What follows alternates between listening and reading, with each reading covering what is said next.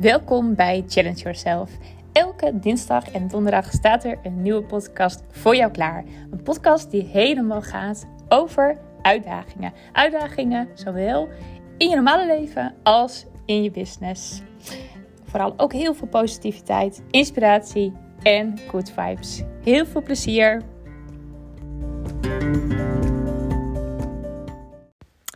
Hallo, hallo. Het is weer podcast time. En uh, deze keer heb ik een, uh, een podcast voor je opgenomen.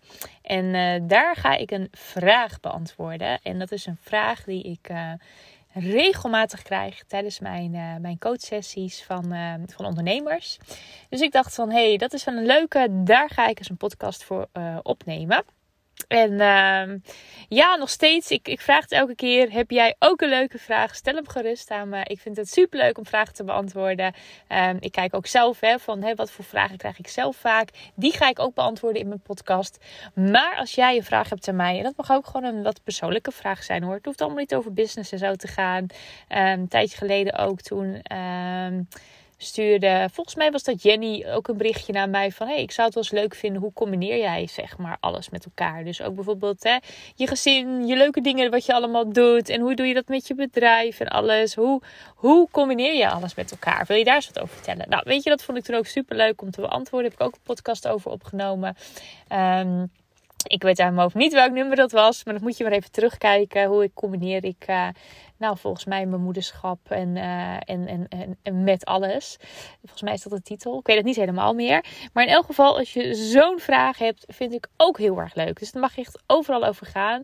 Mag ook gekke vragen zijn. Stuur me gewoon een mailtje of eventjes een privéberichtje via Insta of Facebook. Dan... Uh, Super leuk als ik hem, uh, als ik hem mag beantwoorden voor je. Nou, maar voor vandaag in elk geval een uh, vraag waar je denk ik wel heel veel aan kan hebben. Het gaat over je prijs bepalen. En uh, ja, ik geef mij mijn tips en adviezen daarover hoe je je prijs kan bepalen. Dus heel veel plezier ermee.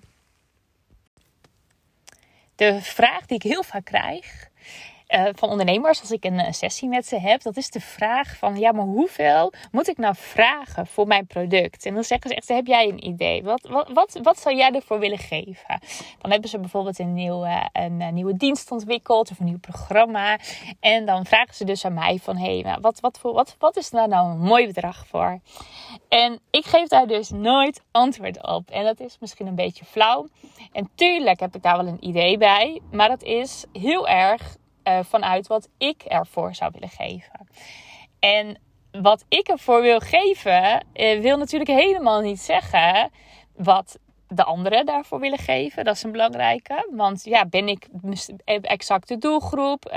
Um, wat zijn mijn financiële middelen? He, dat is natuurlijk heel erg afhankelijk van of ik, of ik het ervoor over heb. Heb ik het nu nodig? Um, en het is voor iedereen natuurlijk heel erg anders. Dus als jij mij vraagt van... hey, um, uh, wat zou jij bijvoorbeeld voor dit, dit uh, product geven? Um, dan zou ik daar echt alleen een antwoord op geven... Van, van wat ik daar nu voor over zou hebben. En dat zal ik je nooit zeggen als je me dat zou vragen. Um, want het is sowieso heel erg belangrijk... dat je zelf heel erg gaat voelen um, wat jij vindt dat het waard is. Want als jij het niet voelt, dan kan je het ook niet verkopen. Ik kan wel tegen jou zeggen van, oh, is echt een mooi programma. Nou, ik zal er wel, ik zal er wel duizend euro voor, voor geven. De vraag is dan sowieso, is dat echt zo? Als puntje bij paaltje komt, zou ik het er echt voor geven? Of, of vind ik het alleen maar het waard? Daar zit ook nog weer een, een verschil in, hè? Dat is ook altijd best wel een gevaarlijke als je bijvoorbeeld aan anderen gaat vragen van hè, bijvoorbeeld ook wel mensen die uh, misschien een pilot bij je hebben gedaan van, uh, hè, bijvoorbeeld van een paar. Stel je voor, je doet een pilot van 100 euro. En dan zeg je bijvoorbeeld van, joh, zou je, uh, wat, zou je wat zou je dit programma echt waard vinden? Nou, dan kan iemand wel zeggen: Oh, het was zo waardevol, ik zal er wel 500 euro voor geven. Maar klopt dat ook echt? Hè? Is het ook, stel je voor dat jij het in de markt had gezegd voor 500 en diegene wist toch helemaal niet wat hij kon verwachten? Zou die dan ook echt 500 euro ervoor betaald hebben? Dus dat is wel een hele belangrijke. Van, um, um, sowieso ook van: hè, zouden mensen dat echt ervoor geven? Of vinden ze het alleen maar waard als ze het al uh, gedaan hebben, bijvoorbeeld? Um, het is sowieso, nou, even, even nu even stap voor stap. Want één, het is heel belangrijk dat jij het dus voelt. Dat jij voelt van, oh, dit is het waard. Deze, dit, dit, dit kan ik ook echt dragen. Het is echt belangrijk dat jij de waarde en, en het bedrag wat je gaat vragen, dat je dat echt voelt, dat je het kan dragen. Dus als jij ook echt voelt en je weet, oké, okay, 1000 euro, ik vind dat heel makkelijk vragen. Ik voel eigenlijk niks, geen angst daarvoor. Ik sta er helemaal achter. Dan um, uh, kan, je dat, kan je dat hartstikke goed doen. Dus dat is sowieso een hele belangrijke. Um, daar wil ik meteen een tip voor geven. Want als jij bijvoorbeeld twijfelt tussen twee prijzen. Stel je voor, je hebt een programma en je denkt, ja, ik twijfel. Um, of ik wil er uh, ik, 500, maar hij voelt een beetje, beetje te hoog. Nou, dan kan je bijvoorbeeld zeggen van, goh, um, ik, ga, ik ga papiertjes maken. Op een A4'tje zet je dan bijvoorbeeld toch 500. Hè? Omdat hij misschien een beetje oncomfortabel voelt. Maar tja, hmm, twijfel. Dus dan zet je 500 op één A4'tje. Ja, dan zet je op een ander blad, zet je bijvoorbeeld uh, eh, 400. En op een andere uh, um, uh, blad zet je weer een stukje lager. En dan je kan ook bijvoorbeeld een hele afwijkende doen. Dus dat je bijvoorbeeld neerzet 100 euro. Nou, en die papiertjes hussel je door elkaar en die leg je op de grond. En dan ga je erop staan, stuk voor stuk. En dan ga je voelen, ogen dicht en voelen. Als je op het papiertje staat, hoe voelt dat? Voelt het stevig? Voelt het wankel? Voelt het heel vreemd? Wat voel je? En dan kan je denken, nou, wat een vage opdracht. Uh, daar geloof ik niet in. Doe het maar eens. Het is echt energie van, van, van getallen. Dat kan zoveel doen. Ik vond het soms echt heel bizar. Dan had ik iets opgeschreven. Nou, en dan ging ik alle kanten op. En dan dacht ik, niet eens met getallen hoor, maar meer van keuzes maken of zo. Van wat moet ik doen? En dan schreef ik het allebei op. En dan ging ik bij eentje heel erg wankelen. En dan wist ik gewoon, nee, nee, nee, dit, dit moet ik sowieso niet doen. Deze voelt niet stevig voor mij. En dan ging ik op een andere staan. En dan voelde ik meteen, ja, deze voelt heel erg krachtig. En dan draaide ik het om en dan denk ik, ja, nou, dit is gewoon de keuze die ik moet maken. Dus dat is heel erg fijn om te doen, om je prijs ook heel erg te gaan voelen. Je kan ook bijvoorbeeld zeggen van nou, ik ga de prijs ga ik gewoon eens even opschrijven. Ik ga het eens eventjes aanpassen op mijn website. En ik ga het nog niet helemaal online zetten, maar ik ga het gewoon eens een dag naar kijken en even voelen. Nou, dat kan. Op die manier kan je kijken of de prijs inderdaad klopt voor jou. Um, een tweede is ook, um, hoe bekend ben jij nu bij je doelgroep? Als jij al echt een naam hebt dan, uh, en al meerdere dingen hebt gedaan um, en al veel referenties hebt, dan is het vaak makkelijker om een wat hoger bedrag te vragen. als jij een, een heel nieuw programma maakt waarvan jij denkt, ja er zitten nog wel wat, wat kinderziektes in misschien. Ik, ik, moet het allemaal zelf nog een beetje ervaren. Dan kan je er soms vaker beter voor kiezen om een uh, pilotprijs te doen. Dus dat je bijvoorbeeld zegt van nou... Hè, dat je wel de waarde noemt. Dus dat je zegt van nou, dit bedrag of dit, dit, dit programma heeft een waarde van 1000 euro. Maar omdat het de allereerste keer is, wil ik een pilotprijs doen. Wil ik wel heel graag je feedback. Uh, weet ook dat er nou, misschien soms wat foutjes in staan. Dat ik soms nog wat dingen kan aanpassen. Maar daardoor ook is het een pilotprijs. En betaal je de eerste ronde 500 euro. Dan weten mensen wel, wow, het is uiteindelijk, het is eigenlijk 1000 euro. Maar ik heb nu eigenlijk het geluk om het voor 500 te krijgen. Nou, op die manier kan je, uh, heb je dus uh, veel makkelijker. Een, een, hè, je voelt wel die waarde van 1000, maar je kan het veel makkelijker eigenlijk verkopen. En de mensen hebben dan wel het idee van: oh wow, ik heb echt een, een, mooie, een mooi aanbod gekregen. En dan um, uh, krijg jij referenties. Dus want dat is de voorwaarde. Je moet een referentie dus geven. Die kan je op je website zetten. En de tweede ronde kan je dan heel voor duizend verkopen. Of misschien bouw je op stapje voor stapje. Maar dat kan je dus ook heel goed doen. Dus dat is wel een belangrijke. En dat is vooral een hele mooie als je gewoon nog sowieso nog niet zo heel bekende naam uh, hebt uh, met je bedrijf. Of als je echt een compleet nieuw programma gaat ontwikkelen. Waarvan je zelf ook zoiets hebt van ja, ik vind het eigenlijk wel fijn als het gewoon nog. Um, ja, als ik, als ik zelf ook nog wat, wat, wat, eigenlijk wat ademruimte heb, zodat ik zelf ook nog wat foutjes mag maken. Dat mag natuurlijk altijd. Maar soms kan het gewoon heel erg fijn zijn om het op die manier te doen. Um, en soms, hè, je, kijkt, het is ook natuurlijk um, zo. Kijk, als, ik, als jij een programma ontwikkelt en je, en je vraagt dan van, hé, hey, wat zou je ervoor vragen?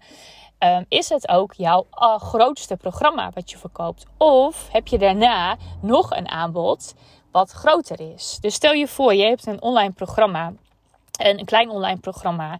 Eh, maar daarna bied je ook nog een, een, een, groot traject aan. Of jaaropleiding van uh, eh, 10.000 euro. Noem maar even wat hoor.